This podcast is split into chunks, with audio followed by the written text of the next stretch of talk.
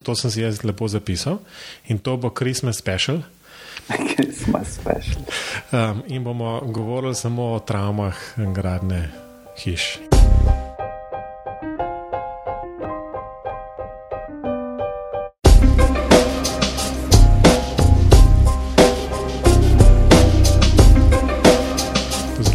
Oddaji podcasta BIM Pogovori, v kateri se z gosti sproščeno pogovarjamo o informacijskem modeliranju zgradb in informacijsko-komunikacijskih tehnologijah v gradbeništvu.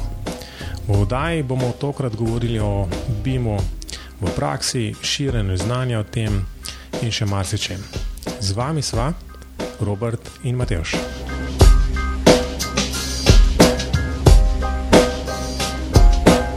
Zdravo, Robi. Lep pozdrav. Um, lepo se je spet pogovarjati s tabo in veš, koga imamo danes v gostih? Jaz seveda vem, ampak ne bom povedal. No, to je jasno. Andrej Tibavc, fakultete za gradbeništvo, prometno inženirstvo in arhitekturo z Univerze v Mariboru. Zdravo, Andrej. Oh, pozdravljen, Mateoš. Zdravo. Um, ves, veseli, res sem vesel, da sem te končno dobil v, v, v tole oddajo. Um, lepo, da si si vzel nekaj časa. Um, Baje si zelo zaposlen, ne? Um, ja, res, res je. V tem, v tem zadnjem pol leta pa, pa je kar precej nekih obveznosti, tudi takšnih privatne narave, ki so povezani s tem, današnje. Ne, sem, slišal, sem slišal, da sicer po izobrazbi si um, računalničar, ne, tak IT-ovc, orto, um, ampak predelen v gradbenika. No, jaz sem rahlo obratno najbrž. Ampak um, kako je zdaj, kot recimo ne gradbenik, um, graditi eno svojo resno obnovljeno stavbo oziroma novo gradno skoraj? Ja, torej, zdaj, če te malo popravim, Mateoš, jaz -huh. rad slišim na ime gradbeni informatik. V redu, se upravičujem, gradbeni informatik. Um, pa lahko rečeš ortogradbeni eh, informatik. Torej, polovico gradbeništva, polovico eh, informatike. Eh, in to je ena taka zmagovalna kombinacija, se mi zdi, za današnje čase, interdisciplinarne čase, kjer eh, seveda samo informatiki vedo premalo o gradbeništvu. Eh, gradbeniki pa tudi ne dovolj informatike, mi smo pa neko lepilo, ki to nekako povezuje. Ja, ker si me vprašal tudi, um, kako je graditi hišo. Torej, ne vem, če se lahko imenujem samo graditelj. Eh, sem pa bi lahko, torej upam si reči, da sem toliko gradbenika, eh, da, eh, da bi me lahko označili tudi kot samo graditelja. No, ampak si, si pa vsaj um, odgovorni, odgovorni vodja, pa, pa investitor zraven. Torej, jaz bi rekel odgovorni investitor. ne, odgovorni vodja del je, torej, to so po, po pravilih stroke, seveda tisti ljudje, ki, ki so to lahko. Um, jaz se trudim pa v ozadju potem, eh, pa probam najti še kakšen čas za, za kakšne detajle, za katere si pa recimo odgovorni vodja in pa ne vem, nadzorni ne najdete časa, ker pa pač nimata. Super. Ja, tudi drobi imel izkušnje z gradnjo. Um, tudi. Pa smo se pogovarjali, bomo enkrat tako posebno epizodo posneli o tem, ampak um, ne danes. No, jaz bi vas pozval, glede na to, da smo vsi gradili hišo, pa da imamo zdaj kot gradbeni informatiki. Andrej je rekel, da je gradbeni informatik bolj iz informatike v gradbenika, mi da smo bolj iz gradbeništva v informatiko. Pa me zanima, koliko od nas treh jih je imelo zgrajen svoj model hiše v BIM programu. Ja, možni odgovori so trije, pa jaz mislim, jaz mislim, da kar vsi trije bi si upal trditi. Hm. Um, če sem čist pošten, um, je dobro, jaz sem prenavljal dve hiši. Za prvo sem se nekaj trudil s tem, um, kmalo tudi obupal. Um, ampak mene par, par slik, pa takšnih tlorisov, pa prerezal sem pa vse v dobu, tako da nekaj je koristil. V drugo se sploh nisem šel tega. Da, um, no, mislim, da kot gradni informatik zmagam in bi bilo treba spet povedati tisto o kovačevi kobili in podobno. Zato, ker moj arhitekt je narisal arhitekturo na roke. Ja, res si zmagal, robe. Sem. Ja. Ampak si pa mislim, da nekaj prerisval pol tudi. Ne? Se... Sem seveda, ampak model ni nikoli dokončan. To je tako, ti skorešiš največje probleme, ko ti ni več zanimivo. To je pa čist, in... to je pa saga o informatikih. To je še en dokaz, da sem verjetno res gradbeni informatik. Ja. No, jaz moram zdaj povedati eh, takole. Zdaj, če sem prav razumel vprašanje, eh, zdaj se seveda da debatirati. Ne. Eh, tole modeliranje iz obstoječih načrtov zagotovo ni pravilni pristop. Je pa mislim, da, da v tem trenutku eh, neka, neka realnost pri, pri teh eh, privatnih eh, projektih, pri privatnih investitorjih.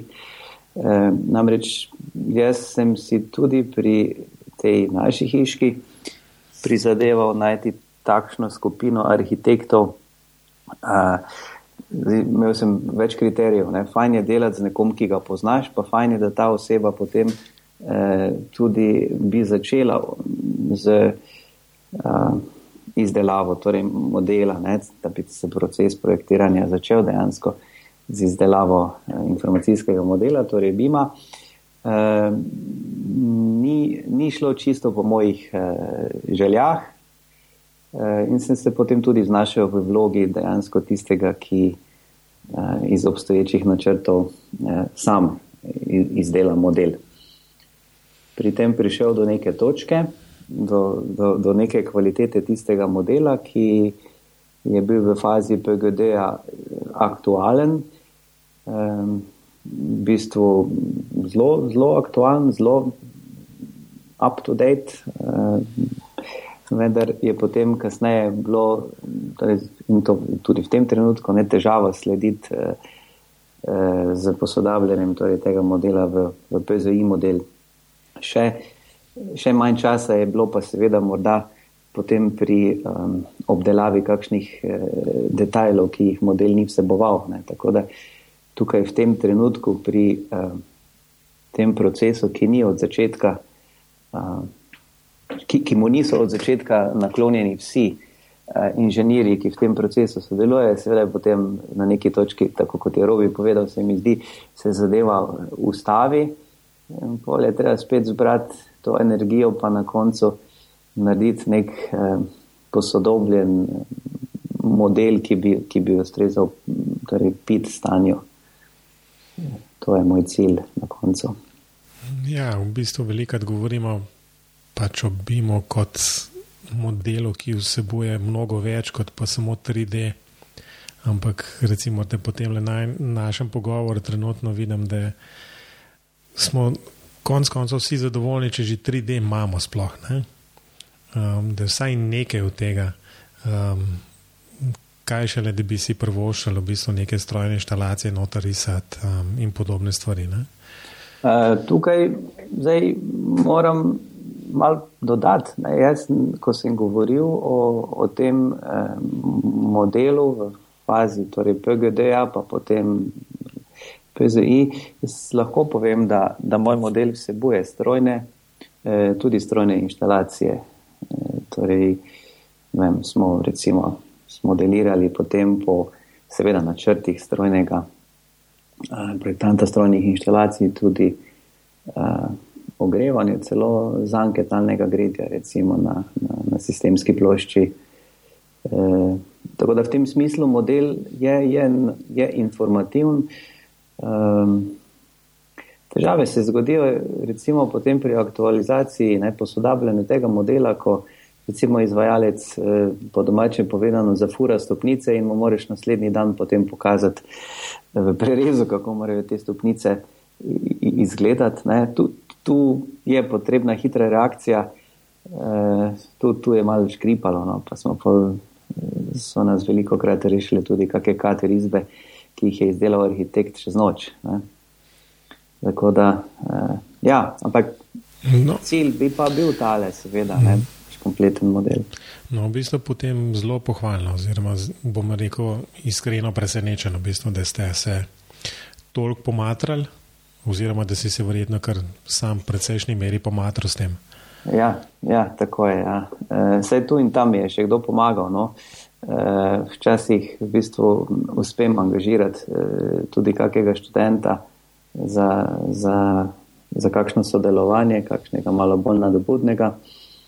Uh, ja, ampak seveda, nekak glavni del tisti pa, pa ne, je v rokah investitorja bil takrat. Ali pod prsti investitorja. Ja. Um, v redu. Zdaj, v, v vdaja moja želja, predvsem s tabo govoriti, je bila tudi um, pač tale naš Sibim oziroma vrst Sibim, um, ki ste ga zasnovali. Skratka, Slovensko združenje za informacijsko modeliranje v gradbeništvu. Um, če se prav spomnim, je to zdaj dve leti nazaj, oziroma kmalo bo, oziroma je leto, pa pol nekaj tasga bilo ustanovljeno združenje.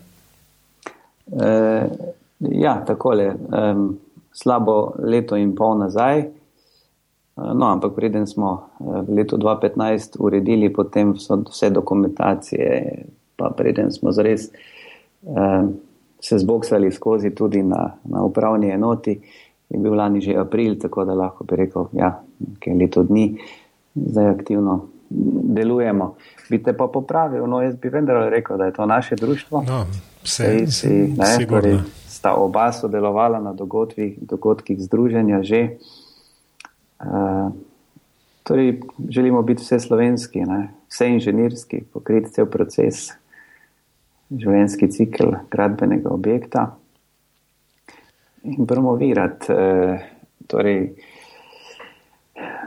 proces ne, in, informacijskega modeliranja. In zdaj, po, recimo, kako bi, kako bi sodel po, um, po odzivih um, po, oziroma pri, po pristopih recimo, razno raznih članov k temu društvu oziroma združenju, um, kakšno je stanje um, v Sloveniji v bistvu na, na tem področju. Je neka želja um, napredovati v tem, ali je um, želja zgolj v bistvu skozi združenje, recimo, um, priti do nekih um, recimo, poceni informacij, ali pa je v bistvu v zadju, v zadju pač še kaj drugega. Uh, jaz bi rekel, da vse, vse od tega, ne, in mislim, da je tako tudi prav. Torej, uh, so interesi posameznikov, so interesi podjetij.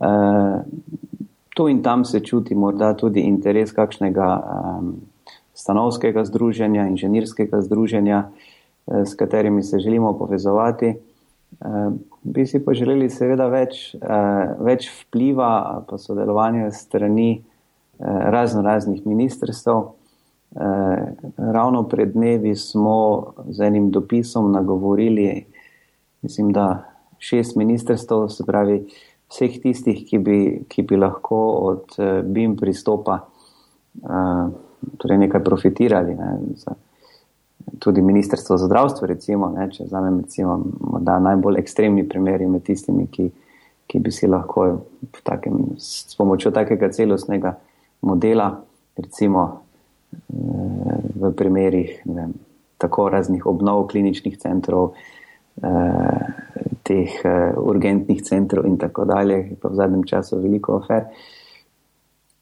ko niso znani detajli in tako naprej. Skratka, eh, jaz lahko imam občutek, da lansko leto, ko smo se ustanovili, Eh, je bil nek vrhunc lanske, eh, torej konc leta, ko smo organizirali eh, tole Sibim konferenco v Lendavi. Takrat se nas je tam gibalo kar okoli 90 do, do 100 ljudi iz celotne Slovenije. Letos pa se mi zdi, da je to žuborenje še večje. Namreč nekako je tale april, ko je Eh, začela veljati ta evropska direktiva eh, o vpeljavi eh, torej BIMA, v zakonodajo. Torej nekako, nekako so firme to spoznale kot nek resen datum. Torej predvsem strani podjetij je, je kar precej. Torej hočem, če povedati, da precej nekih mailov prihaja na elektronski naslov združenja, pobud, vprašanj, komentarjev. Tako da mislim, da letošnje leto bo boljše, še boljše kot lansko. Ja, Preden dam rovijo besedo, ne, um, bi rekel še, v bistvu na vsak način je bila tudi recimo, konferenca v Lendavi, kjer je bila zelo lepo organizirana, zelo zanimiva. V bistvu je ena taka, recimo, vsaj v meni, v bistvu je ena taka um, prelomna točka, kjer sem dejansko začel razmišljati o tem, da bi enkrat en takle podcast naredil, tako da si bi imel vsekakor, če ne direktn, od, direktno odgovoren, pa zdaj posredno odgovoren, da tale podcast sploh obstaja. Super. Um, Robi, kakšno vprašanje? Ja, jaz bi dodal tudi na, na tem dogodku, tistem prvem. Mislim, sicer je še prostor za izboljšave, da se ne motimo. Mislim, da, se, da ne bi me kdo narobe razumel. No? Ampak uh, sem videl tako veliko obrazov, ki so se udeležili dogodka z namenom, da bi, da bi nekaj naredili. No? Bom tako rekel. Um, Zaenkrat se mi zdi, da je še vedno vse v Sloveniji veliko več vprašanj kot odgovorov, in mogoče bo to združenje in si vim pač tisti povezovalni člen, ko bo ponudil neko pot do odgovorov. No? Um, to je pač moje mnenje. Ne? Jaz se veselim tega drugega dogodka, letošnjega, uh, ampak res upam, no, da bo mal več odgovorov in mal manj vprašanj. Kaj meniš, Andrej? Bo? Ja, to si zelo lepo uh, izhodišče uh, nam nastavil. Mogoče bi lahko kaj od tega uporabili tudi kot, uh, kot izhodiščno misel ali pa podnaslov naše konference, si bom tole eh, zabeležil. Prosim za, za procente. Boš dobil popust pri kotizaciji.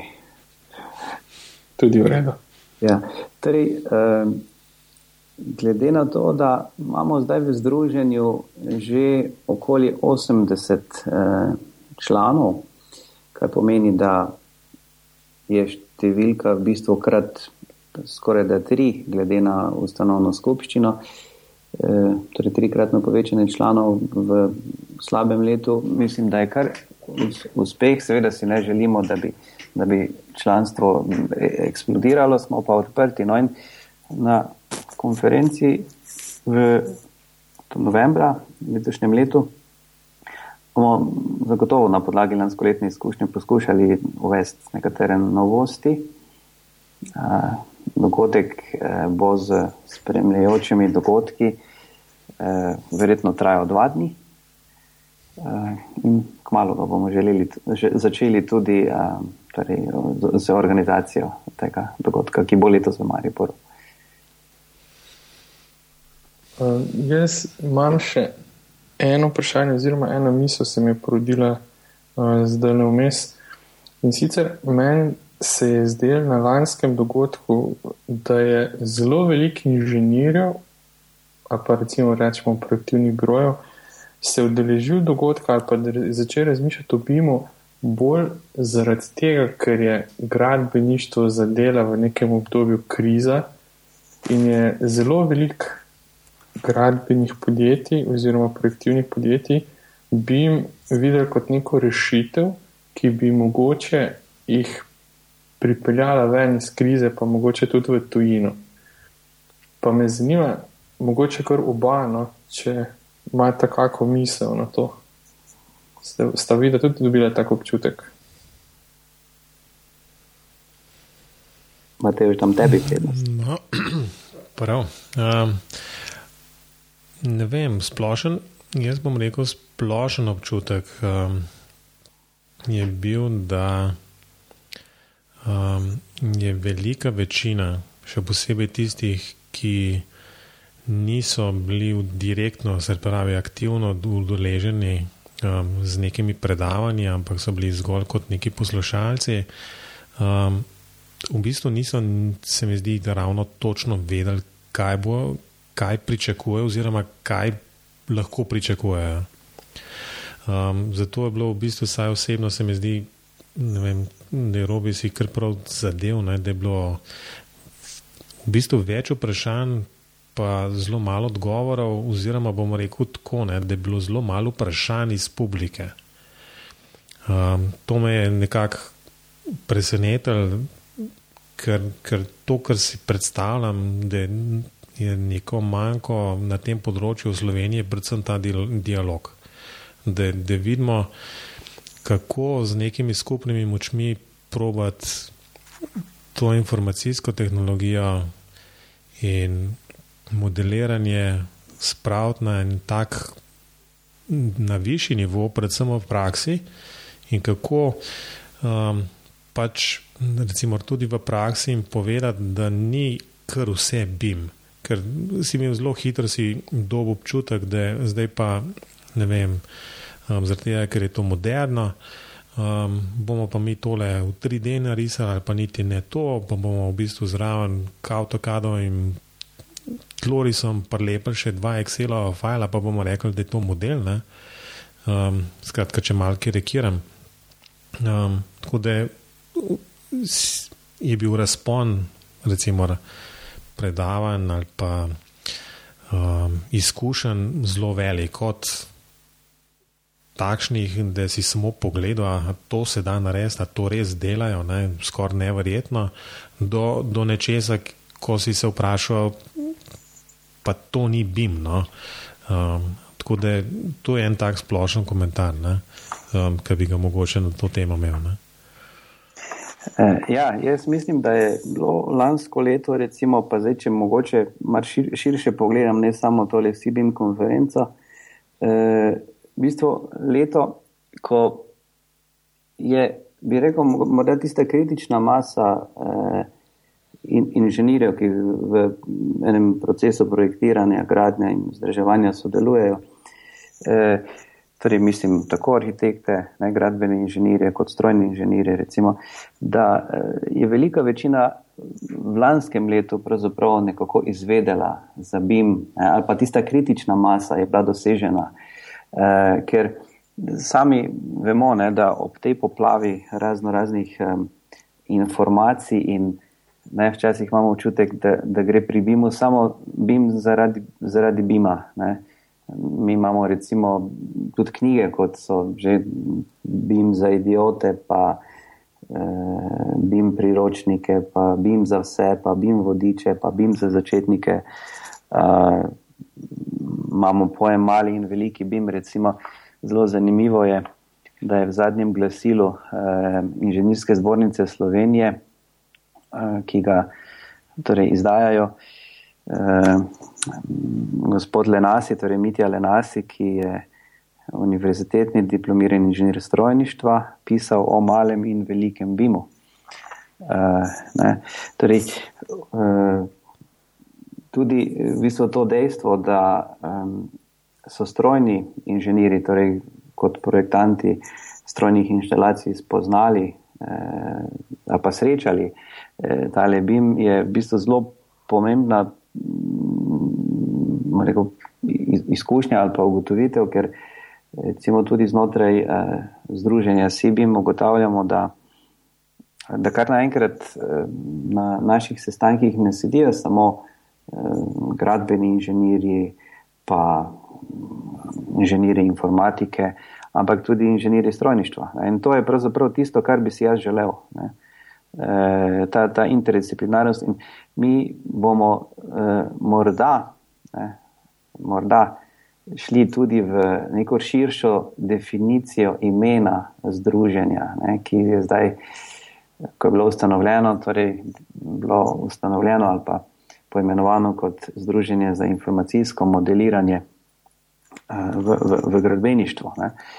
Ehm, in so bile že neke pobude, da bi se tudi inženirji ostalih strok bolje videli v tem združenju ali pa z večjim veseljem pridružili, če bi se morda naziv tega združenja malo, malo razširil. Torej, hočem reči, da um, je glava polna ne, od, tega, od tega bima. To se pravzaprav zelo dobro prodaja. Ne, ne, kot bi rekel, kot vroče žemljice, vroče krompir ali pa vroči cigl. e, mislim, da celo bi lahko rekli, da tako kot smo včasih govorili o ne vem, otokih avtomatizacije, jaz na to stvar gledam tudi kot, ne vem, kot otoke Bima. Ne, mogoče bi eh, gledamo neke nove otoke zdaj, kjer, eh, kjer se pravzaprav zdaj povezujejo pa eh, v bistvu različne stroke med seboj in ker se morajo ne, znotraj Bima. Ja, se strinjam. Skratka, te otoke avtomatizacije bi morali enkrat um, posebej obdelati, tega, ker mislim, da so nekako še zmeraj rak rana, oziroma to, kar ne bi na koncu koncev bi jim tudi vsaj delno reševal. Ja. Um, ampak ob tem se mi um, nekako nek, mi pride na misel standarde. Um, kako je s tem? Imáš kakšno v bistvu um, informacije o tem, kako je, kako je v Evropi, kako je, skratka, vemo nekaj, kaj se, kaj se je, um, oziroma kaj so sklenili v, v Angliji, um, kako je pa to v Evropi, oziroma pač to posledično jasno pomeni, kako bo enkrat v Sloveniji, vsaj na tem, recimo, pravnem področju to urejeno. Um, ja, tako je. Zdaj, če mogoče malo pogledamo, kaj, kaj so viri tega, ki vplivajo, zunani viri, ne, ki vplivajo recimo na slovensko zakonodajo ali pa vse, kar bi se v slovenski zakonodaji znašlo in bi bilo v povezavi z BIM-om. Mislim, da gre tukaj za, za ene tri, tri, tri pomembne vire. Ne. Eden je tale, torej Building Smart organizacija, ki de facto postavlja ne samo industrijske standarde za področje BIM-a, ampak dejansko eh, tudi standarde v smislu eh, Evropskega urada za standardizacijo, torej cen. Ne. To je torej en vir, ki je, ga zelo dobro poznamo vsi eh, in je kot neke vrste tista palčka, ne, ki, ki, ki sili države v, in pa sploh industrijo. Drugi je potem recimo eh, ta nov tehnični komitej, ki je bil ustanovljen znotraj eh, cena, to je eh, tehnični komitej številka 442, ki ima v nazivu Building Information Modeling. Torej, to je bilo to je delovno, delovno telo znotraj cena, ki ima mandat delati na standardizaciji v celotnem življenjskem ciklu zdaj ne samo zgradbe, ne, ampak pravijo torej grajenega eh, okolja. Uh, Spravi, verjetno bodo tukaj izhajali že iz uh, tistih obstoječih standardov, ki jih je sproduciral uh, Building Smart. No, in potem je tu še tretji vir, uh, to je pa ta nova skupina EU BIM Task Group, uh, ki jo vodi uh, Angliš Adam Matthews. Uh, mimo grede, uh, nekoč uh, je delal za Autodesk, zdaj vodi torej EUBIM Task Group. Ta skupina pa se vidi kot skupina, torej se, se promovira kot skupina predstavnikov javnega sektorja. Torej v njej so predstavniki držav, ki se želijo prostovoljno in uh, torej, vključiti. Torej, država pošlje predstavnika javnega sektorja, uh, da sodeluje potem v, pri delu te, te skupine. Zdaj, verjetno, verjetno um, je malo nerodno, da v teh uh, vseh skupinah, ki sem jih omenil, zaenkrat še ni slovenskih predstavnikov, ne imajo jih pa recimo države, za katere bi, bi mi tako tradicionalno vedno radi povemo, da so na, na nekem, da smo bili v nekem trenutku recimo bili pred njimi. Ne. Ja, nažalost nas prehitevajo povsod. Um, tudi tam, kjer smo bolj ali manj skozi določene pač raziskovalce praktično ustanovili gradbeno informatiko kot, kot vedo um, oziroma pač kot neko področje znanosti, um, smo zdaj nekako izpadli na na dno vsega, ne? vsaj kar se tiče standardizacije. Um, ampak to se ne brž kaže v, mislim, razlog za to je ne brž v, recimo, temu majhnosti trga, slovenskega trga. Ja. Um, Robi, kaj verjetno tudi? Ja, verjetno razlog tudi v razdrobljenosti celotne gradbene industrije v Sloveniji, ki se pač ni uspela povezati v pravem času. Ampak jaz mislim, da lahko ravno to društvo igra povezovalno vlogo. Zato mislim, da bo z te namene tudi ustanovljeno. Ja, se strinjam, da je pač društvo. Mislim, da je ena, se mi zdi, tako zelo pomembna, pomembna vloga tega združenja. Se mi zdi vsaj to. Ne? Mislim, prom, promocija in pritiskanje na, na neke odgovorne strukture v, v Sloveniji, da se bo na tem področju tudi zakonodajno nekaj premaknil. Enkrat, ne? Ja, tako, jaz tudi vidim pač to društvo nekje, nekje kot tisti povezovalni člen. No, sicer, pa, sicer so pa kolegi v Mariboru precej aktivni, tako ni, ni edino ta SIBIM, imajo tudi druge projekte. No, v bistvu sem mogoče še predno gremo v kakšen projekt umest, umeti ena stvar, ki, ki recimo, da vedno nekako debatiramo, kako zadevo sploh spraviti um, v neko tako širšo uporabo, BIM namreč. Pa recimo, da nekako lahko zmer tehtamo med enimi takimi top-down ali pa bottom-up approachi ali pa nek tako zakonodajno, um, tako kot so se recimo to že v Angliji lotili ali pa ne vem, leta nazaj, mislim, da v Singapurju. Um, v Ameriki tega nimajo, um, ampak tam je trg enormen. Um, ne boš pričakovati v Sloveniji um, to, da se bo trg samo reguliral in bo, bo v bistvu prišli na površje arhitekti, dizajnerji, ki uporabljajo BIM. Um, ali pa ne vem, strojniki in se te pač cela, celotna veriga, um, ki uporablja BIM, da bo pač splezala na površje, samo zaradi trga, najbrž je v Sloveniji precej iluzorno pričakovati. Um, Andrej, kaj praviš um, na to? Um, jaz, jaz sem kar optimist, moram reči, glede tega, ne, ker nekako opažam, da, um, v bistvu tisti, tisti, uh, da se pojavljajo, ne, kot sem prej povedal, eni taki otoki Bima, tudi v Sloveniji, kjer se povezujejo. Uh, Eh, tako strojniki, tako arhitekti kot eh, gradbeniki, tisti ki se odločijo, da, bo kot, da bodo kot skupina pokrivali eh, ta proces recimo ne, priprave torej modela.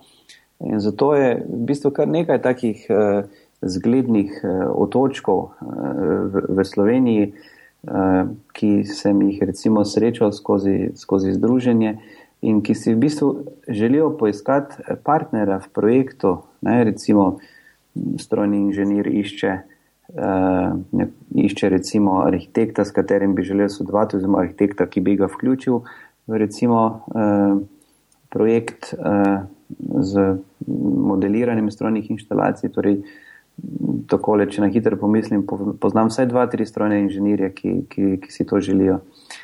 Um, Ne, jaz mislim, da, pri, pri, da je tukaj morda strojni inženir celo bolj razume, ne, eh, kaj, kaj bi bim lahko bil, ne, kot pa recimo gradbeni inženir. Ne, ker se mi zdi, v gradbeništvu je ta en tak zelo znamenit eh, angliški rek, ne, we've always done it that way. Torej, ne, to je približno tako, kot če recimo. Um, pa spet potegnem malo na moj privat projekt, um, gradni hiše, um, v sestavi ravne strehe. Um, ne, vsi uporabljajo sika folijo. Ne, um, zato, ker tako delajo že nekaj let. Ne? In drug način, recimo, eh, kakšnega drugega hidroizolacijskega materijala, je kar težko prepričati eh, potem že projektanta, kaj šele izvajalca. Torej, to je pravzaprav, se mi zdi, največja cokla eh, v tej naši stroki, gradbeništvo, da um, to v bistvu zanašanje ali pa zatekanje k nekim ustaljenim načinom. Ne. Um, in tukaj recimo pomaga biti gradbeni informatik, zato ker na drugi strani eh, informatika je v nenehnem pogonu, v nenehnem razvoju. Eh, ne vem, ne, vsi, vsi, vsi, vsak od nas verjetno eh, vsak teden inštalira posodobi kak nov program, eh, kar pa večina ljudi recimo ne počne. Ne. In se pravi, to, to vidim kot, kot neko tako coklano, to, to prepričanje, da, da, da se nam ni treba iti nič novega. Ne. Če lahko jaz na tem mestu malo skočim, jaz se strinjam s tabo, da morda strojni inženirji celo bolj razumejo, kaj bi lahko BIM bil, ampak mislim, da je to zgodovinsko pogojeno. Lahko bo Mateoš potrdil, da so strojniki poznali step, recimo step standarde, step zapis, izmenjava podatkov že mnogo, mnogo prej, preden se gradbeništvo to spomne, ker dejansko IFC je eno od podzvrsti stepa. Uh, in oni, njim je bolj jasno, ne? ampak jaz vidim večjo težavo v tem, v profilaciji gradbene stroke v Sloveniji. Če gremo malo v tujino, tam govorijo vse o civil inženirjih. In civil inženir ni gradbenik, ne? čeprav imamo mi vse fakultete, faculty of civil engineering, ampak civil inženirje v tujini mnogo več. Ne? In če nič druga, ni zgolj gradbenik, ampak je zraven še vsaj pol arhitekt, pa en del strojnika, pa še mogoče mu je kaj druga jasno.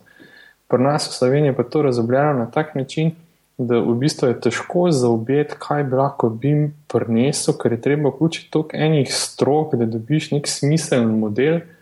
Če, če pustimo zdaj proces, pa se osredotočimo na sam model, da je to res težko. A se strinjate? Ja, Andrej, povej. Ja, eh, torej vse, kar je težko, je izziv. Eh, in jaz mislim, da moramo najti samo tiste vzvode v, v, v tem procesu, ne, ki jih jaz vidim od zgoraj in od spodaj. Od zgoraj, seveda, država mora biti sklet in v bistvu v vse razpise, za, eh, kjer je zadaj javni denar, vgraditi zahtevo za torej, tako proces kot model po Bimovsko.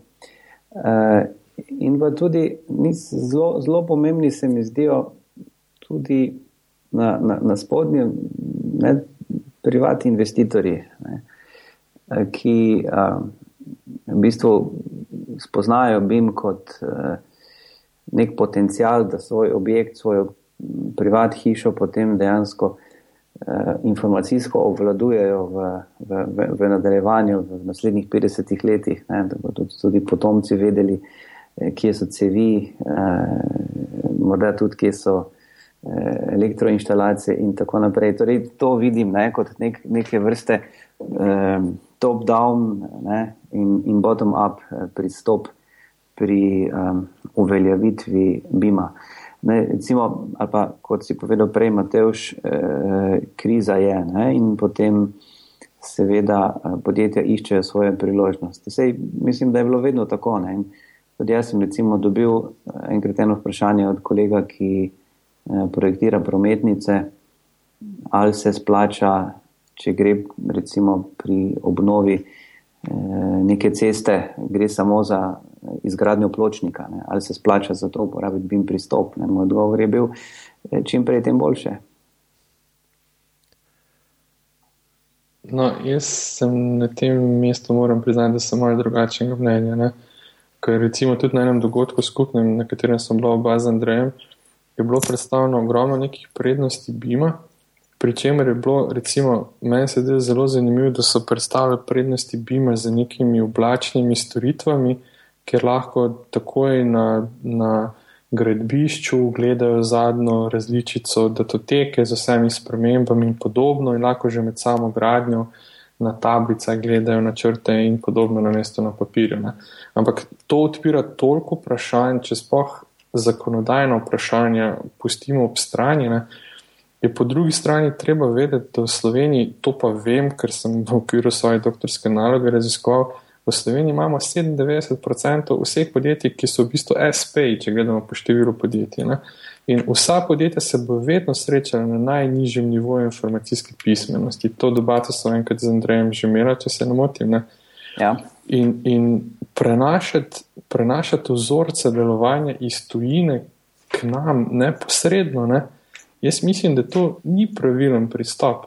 In tudi, recimo, če smo pri pri um, zasebnih investitorjih, ki gradijo svoje enodružinske, dvodružinske hiše, kakorkoli, jaz se strinjam, da dober bi model bi lahko bil s več stališč, bi bil odličen. Ne?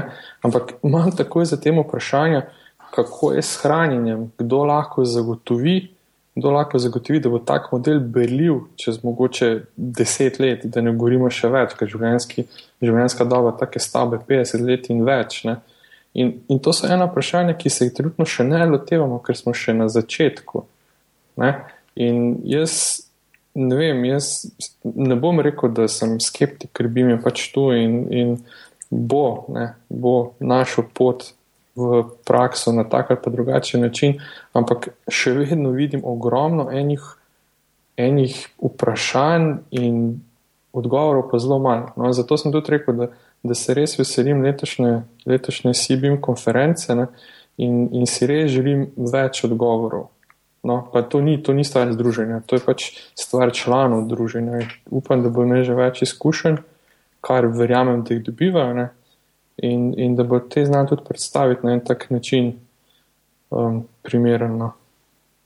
Ja, Zdaj, torej, Robi, ko se sprašuješ, eh, ne, v kakšnem formatu bo lahko obstal, recimo eh, pri čisto navadnem, bom rekel, investitorju, eh, recimo stanovanjske hiše, ta njegov model, ne, če ga bo dal izdelati, če si ga bomo da sam znal izdelati. Ne, je to mogoče eno tako zanimivo paralelo potegniti z tem, kaj bi se zgodilo, če bi um, svojo hišo zgradil pred 30 leti ne, in bi jo želel narediti v AutoCAD-u. E, to je malce pobrskal, ne, pa vidim, da DVG format obstaja že cirka 34 let. Ne, torej, tista hiša bi pred 34 leti, ki je bila takrat zgrajena, danes vedno še bila. Um, re, rečemo, berljiva. Ne? Torej, današnje verzije bi jo načeloma morale, načeloma morale odpreti. Zdaj, pa vendarle, tukaj gre za industrijski standard, ki je, ki je vlasti enega velikega eh, podjetja.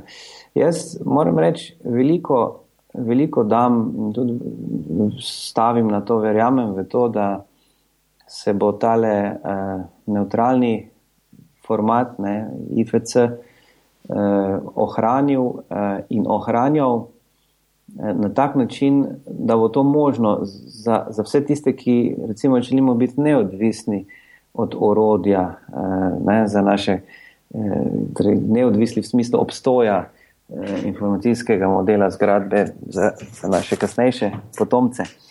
Eh, sploh mi upanje daje pravim, tudi tole, ne, da se je ustanovil delovno telo znotraj, znotraj cena. E, torej, običajno tukaj nastajajo standardi, ki, ki so bolj kar dolgega, dolgega veka, ne, dolgega trajanja. Ja. Upam, upam in želim si, da bi bilo to res. Ne. Ampak se pravim, sam osebno imam veliko vprašanj, um, bolj vprašanj do samega sebe. Uh, upam pa, da bom pač dobil tudi kakšne odgovore v prihodnjih letih. Ne? Vsekakor pa vidim pač Sibim, Sibim združenje kot eno od tistih, eden od tistih virov, ki bi lahko ponudil te odgovore. Um, ja, res je. Um, pa mogoče to včasih zveni kot um, recimo, jaz vas zrobim, kakšna skeptika v smislu, bim ne, bim ja, ali kakorkoli že. Um, ampak na vsak način je bim tukaj. Um, tako da se s tem, ne, ne da se s tem treba sprijazniti, ampak um, treba je v bistvu najti najt, um, najt izziv v tem in najti neko, nek, nek napredek, možnost napredka gradbene industrije. se pravi, če um, na tem področju. Tako da jaz mislim, da pač so pa jasno tele začetne države, um, ki smo jih dali skozi um, in z um, razno raznimi datotekami in z razno raznimi um, slikami in tako naprej. Skratka, kako to zapisati, zato da bo to obstal, um, je vedno izziv. Ampak mislim, da je stvar, ki ga bojo delno, delno rešili IT-ovci po smislu fizične hrambe. Eh, pa zdaj z razno raznimi oblačnimi storitvami um, smo bolj ali manj te stvari rešili. Um, jasno ostane tukaj, da so standardi napisani na tak način, da je možno implementirati te standarde v nekem konkretnem softverju, ki pa tudi mislim, da je že kar um, dobro nekako razvijajo.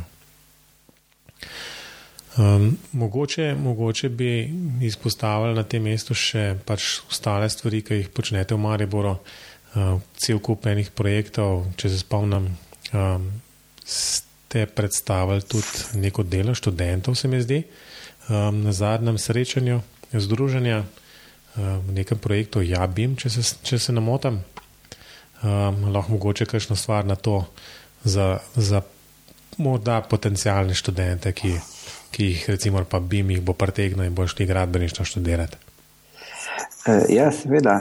Torej, um, mi se seveda trudimo na naši fakulteti, da bi študentom čim več e, tudi nekih praktičnih izkušenj lahko dali, ker e, ne, vsi, vsi veliko, ali pa veliko se govori o BIM-u, šteje pa vendar ne tisto, kar narediš. Uh, Ja, torej projekt Jabim je bil um, v bistvu eden izmed uh, sprejetih projektov v okviru uh, nacionalnega razpisa um, um, po kreativni poti do znanja, kjer smo v bistvu skupaj z podjetjem Linal in Lendavsko občino uh, sodelovali sporedno ob komercialnem projektu, ki je tekel projekt torej projektiranja in gradnje. Mi smo začeli z našim projektom, ko je v bistvu se že začel graditi razgledni stolp Lendava, torej govorimo o eh, projektu izgradnje razglednega stolpa Lendava oziroma kot se imenuje Vinarium.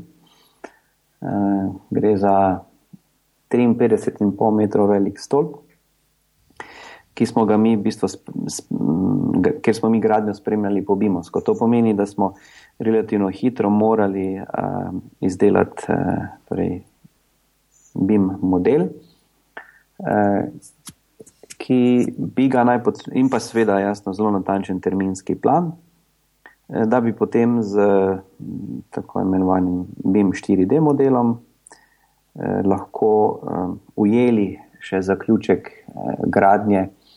Eh, in malo primerjali, potem, ali se gradnja izvaja po terminskem planu eh, ali ne. Eh, torej, pri tem je sodelovala ena taka četica desetih študentov. V skupini smo imeli, če začnem morda z um, najbolj nepričakovanim, je študent pravne fakultete, ki se je ukvarjal s pravnimi vprašanji, bima in zakonodaje, um, sploh v smislu te evropske uh, direktive eh, iz leta 2014. Potem smo imeli seveda eh, eh, dva arhitekta, imeli smo štiri gradbenike, študente in imeli smo še tri študente računalništva in informatike. Torej smo pač pristopili interdisciplinarno, mm, na koncu je bilo kar nekaj produktov, nekako mogoče tak najbolj, mm, s katerim se najbolj lahko pohvalimo, je v bistvu ta uh, BIM model, ki je nastal, res detajlen model, kjer smo zmodelirali torej vse razen elektroinštalacij in vijakov v konstrukciji. Ne. In model je tam velikosti reda 400 megabajtov, kar je v bistvu tako, tako precej velik model, ne, ki ga v enem kosu niti ne moreš naložiti na, v, v BIM strežnik. Ne. Če je to recimo neka taka primerjava. Ja, ja, poleg tega. Ja, ja, moram, moram reči, da, da je res um, um, model kar tako um, impresiven. Ne? Um, še posebej, ker že sam stolp, sam po sebi, v bistvu, um, tako precej, precej lepa konstrukcija. Um, tako da je pol to videti um, hkrati v živo, in um, še prej pa v bistvu um, tako nekako renderirano v 3D, um, res vidiš um, pač praktično vse detajle. Tako da je res, res pohvalno. No? No, če lahko izpostavim samo še, še dva stavka o tem, Ne, smo v bistvu tukaj um, dejansko poskušali biti zelo, zelo neutralni in neodvisni od, od programov. Na koncu je model v, torej v IFC zapisu. E, uporabljali smo, smo več programov, ampak vse skozi strmeli k temu, da, da ohranjamo to v bistvu e, neodvisni zapis. E, tega modela. Pri tem smo seveda primerjali tudi različne programe v smislu uh, količin, torej nas je zanimala tudi ohranitev količin pri prenašanju modela uh, in, iz enega v drug program in moram reči, da, da so številke um, v smislu prenosa, ne, ko smo prej govorili o IFC zapisu, natančne na dve decimalki. Ne, če bi recimo govoril o recimo uh, izračunu uh, kubičnih metrov betona v, eh, v temeljni plošči, za, ki v enem programu, pa v drugem programu, pa potem v nekem pregledovalniku IFC, bi ugotovil ujemanje na dve decimalki natančno, kar je v bistvu zelo dobro. To je več kot dobro, to je odlično. Ja, res je. Zdaj, jaz bom moral skočiti le noter, da ne bomo predolgi. Mislim, da bi se lahko pogovarjali o razno raznih vidikih Bima, um, še vsaj dve ure. Um, zato bi recimo na tem mestu zaključil tole, um, pa bi šli počasi proti koncu tele oddaje um, in recimo nadaljevali z raznimi novicami in priporočili. Andrej, ti si kar nekaj stvari pripravil? Uh, ja, torej jaz takole poskušam gledati zdaj skozi uh, to moje uh, um, delovanje v okviru združenja SIBIM, pa tudi v bistvu kot um, um, zaposlen na fakulteti. In uh, bi mogoče kot taka novička ne ponovil samo to, kar sem še povedal, da um, bomo v Mariboru, torej najverjetneje v Mariboru, novembra letos. Uh, Organizirali drugo po vrsti SIBIM eh, konferenco. In tukaj morda izpostavil um, en dogodek, ki smo si ga zamislili eh, dan pred konferenco in smo ga poimenovali Bimatlon. Eh, torej, kot Bim maratlon ali pa celo eh, dekatlon, ne, desetero boj, kakorkoli. Um, ideja pride pa od tako imenovanih razno raznih hekatonov, ki se odvijajo eh, po svetu. Se pravi, gre za lahko enodnevni, večdnevni dogodek, kjer se zberejo skupine zanesenjakov in eh, v času trajanja dogodka poslu, po, poskušajo, eh, kot bi rekli, from scratch, od začetka, eh, izdelati, dodelati neko, neko idejo, eh, ki bi morda za kako podjetje bilo tudi perspektivno, pa bi morda bilo pripravljeno investirati v, v, v razvoj kakšne take rešitve in, in podobno. Torej, vabim na Bimatlon v, v, v novembru. Robi, povej. Tako, um, moje, moje priporočilo, danes imam priporočilo na novice, se navezuje na to, kar sem že prej spraševal Andreja, oziroma sem spraševal za mnenje. In sicer je to ena spletna stran opensourcebim.org. Gre pa za spletno stran, ki trenutno še ne ponuja toliko, kot obljublja. ampak gre za spletno stran uh, Open Source Beam Collective, ki je pripravljena z namenom, da bi ponudila odprto kodne rešitve, brezplačne, tako naprej, v povezavi z BIM-om. Uh, to pa zato, ker avtori sami pravijo, da verjamejo v pravico do svobodne odločitve uporabe BIM-orodij za kakršen koli namen. Trenutno ponujajo le povezave do posameznih delov, recimo IFC, OpenShare, Geometry, Gym, BIMV, PKVS, BIMSurfer, tisti, ki se malo več ukvarjate z BIM-om, veliko tega že poznate. Uh, Obljublja pa, da bo to se združilo na eni spletni strani, kar se mi zdi super. Čakam že nekaj časa s to povezavo in upam, da se bo pojavila res nove vsebine. Ko pa se bodo, bom pa ponovno dal v priporočila. Zaenkrat samo predlagam, da si to shranite, date v zaznamke in upamo, da bo stran enkrat res zaživela. Um, no, z moje strani pa čist sveža novica oziroma sveže objavljena majska številka revije Beam Today. Skratka, danes je bila um, izdana revija, če ne poznate, izhaja na tri mesece, pač um, angliška revija. Um, zelo zanimiva, um, ponuja pa v tej številki um, povzetke nekih raziskav, še posebej tistih, ki so povezane z um, level 2 um, pač standardom, ki je bil pač nekako, ki se ga zahteva v, v Angliji od aprila naprej.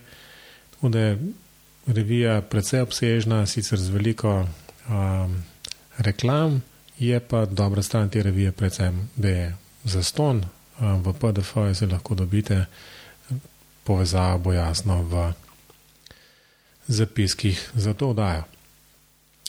No, če smo novice obdelali, gremo proti koncu in ostanem še samo hitra vprašanja.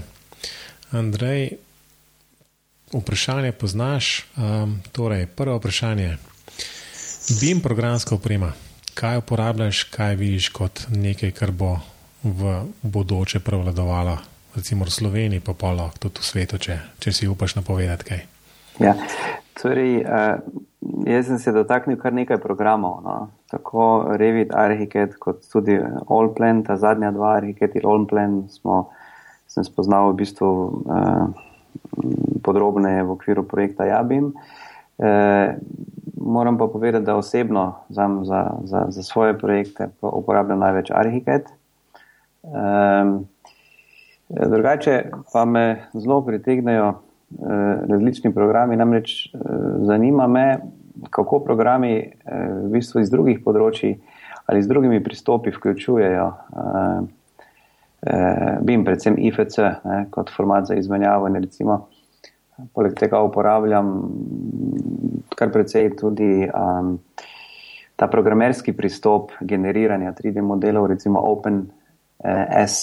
CAD je tak program, kjer pravzaprav z geometrijskimi operacijami opišeš, da ne rečem, sprogramiraš oziroma napišeš skripto, ki ti zgenerira uh, tvoj model, torej brez klikanja po ekranu, ampak z pisanjem, pisanjem kode in dobiš geometrijski model, ki seveda ni informacijsko bogat, je pa geometrijski model, ki ga je potem možno izvoziti uh, uh, v, v obliki IFC, v kak drug. Uh, bolj, uh, bolj inteligenten modelirnik uh, in ga potem naprej obdelati. Uh, Ali pa recimo, kar je tudi zelo zanimivo, so tako imenovani pristopi, kot ga vidimo recimo pri Revit Dynamo, ne, tale uh, data flow programming, kot bi rekli po angliško, oziroma obstaja en, en tak lep slovenski prevod, podatkovno pretokovno programiranje.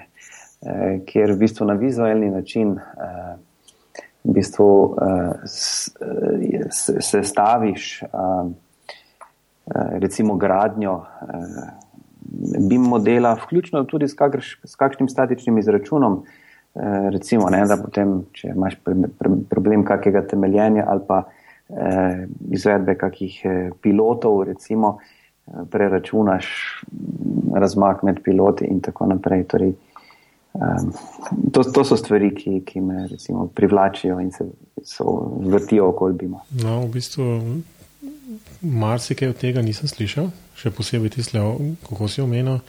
OpenSCAT? Uh, ja, OpenSCAT je, okay, je tole... zastojnski odprtokodni program. Sliši se zelo zanimivo. Uh, ja, ja. Uh, torej, ampak kljubco bomo dali parčike, da kaj. Tako je. V redu. Um, drugo vprašanje. BIM model ali proces in seveda se moraš zavedati, kdo te je povabil v, v podcast.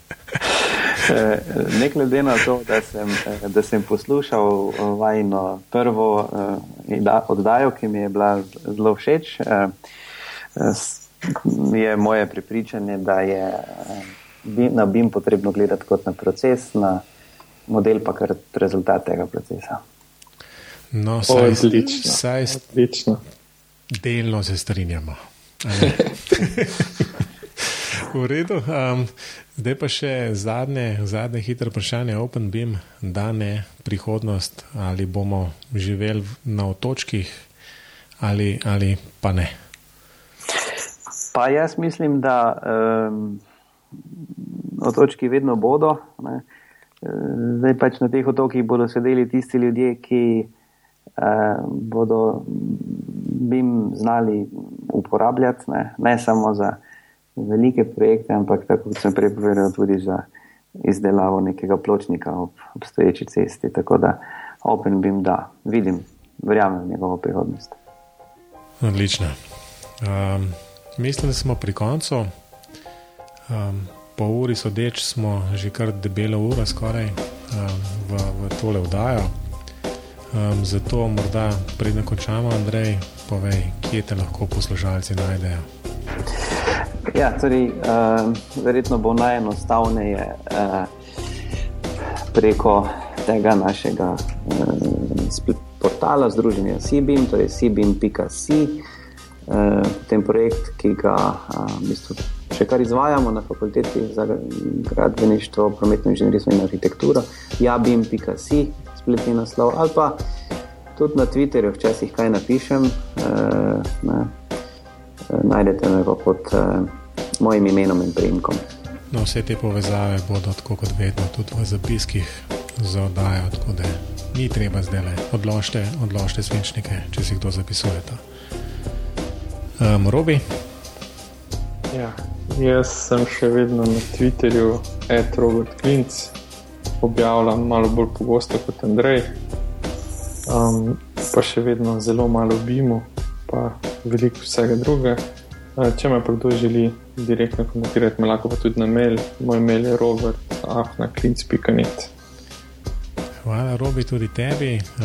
Mene kot vedno, morda najlažje, kar na matevzdolence.com, tam bodo vse ostale povezave. Tudi um, na tem mestu bi se zelo toplo, res Andrejo, zahvalil za, za pripravljenost sodelovati v tem v tej vdaji.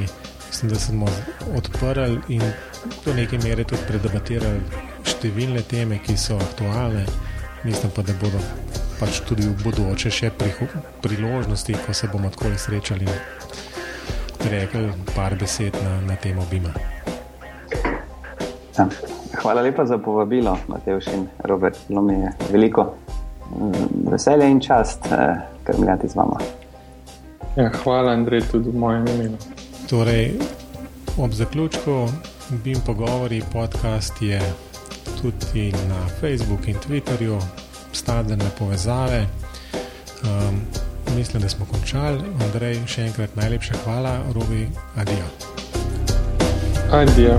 Adijo.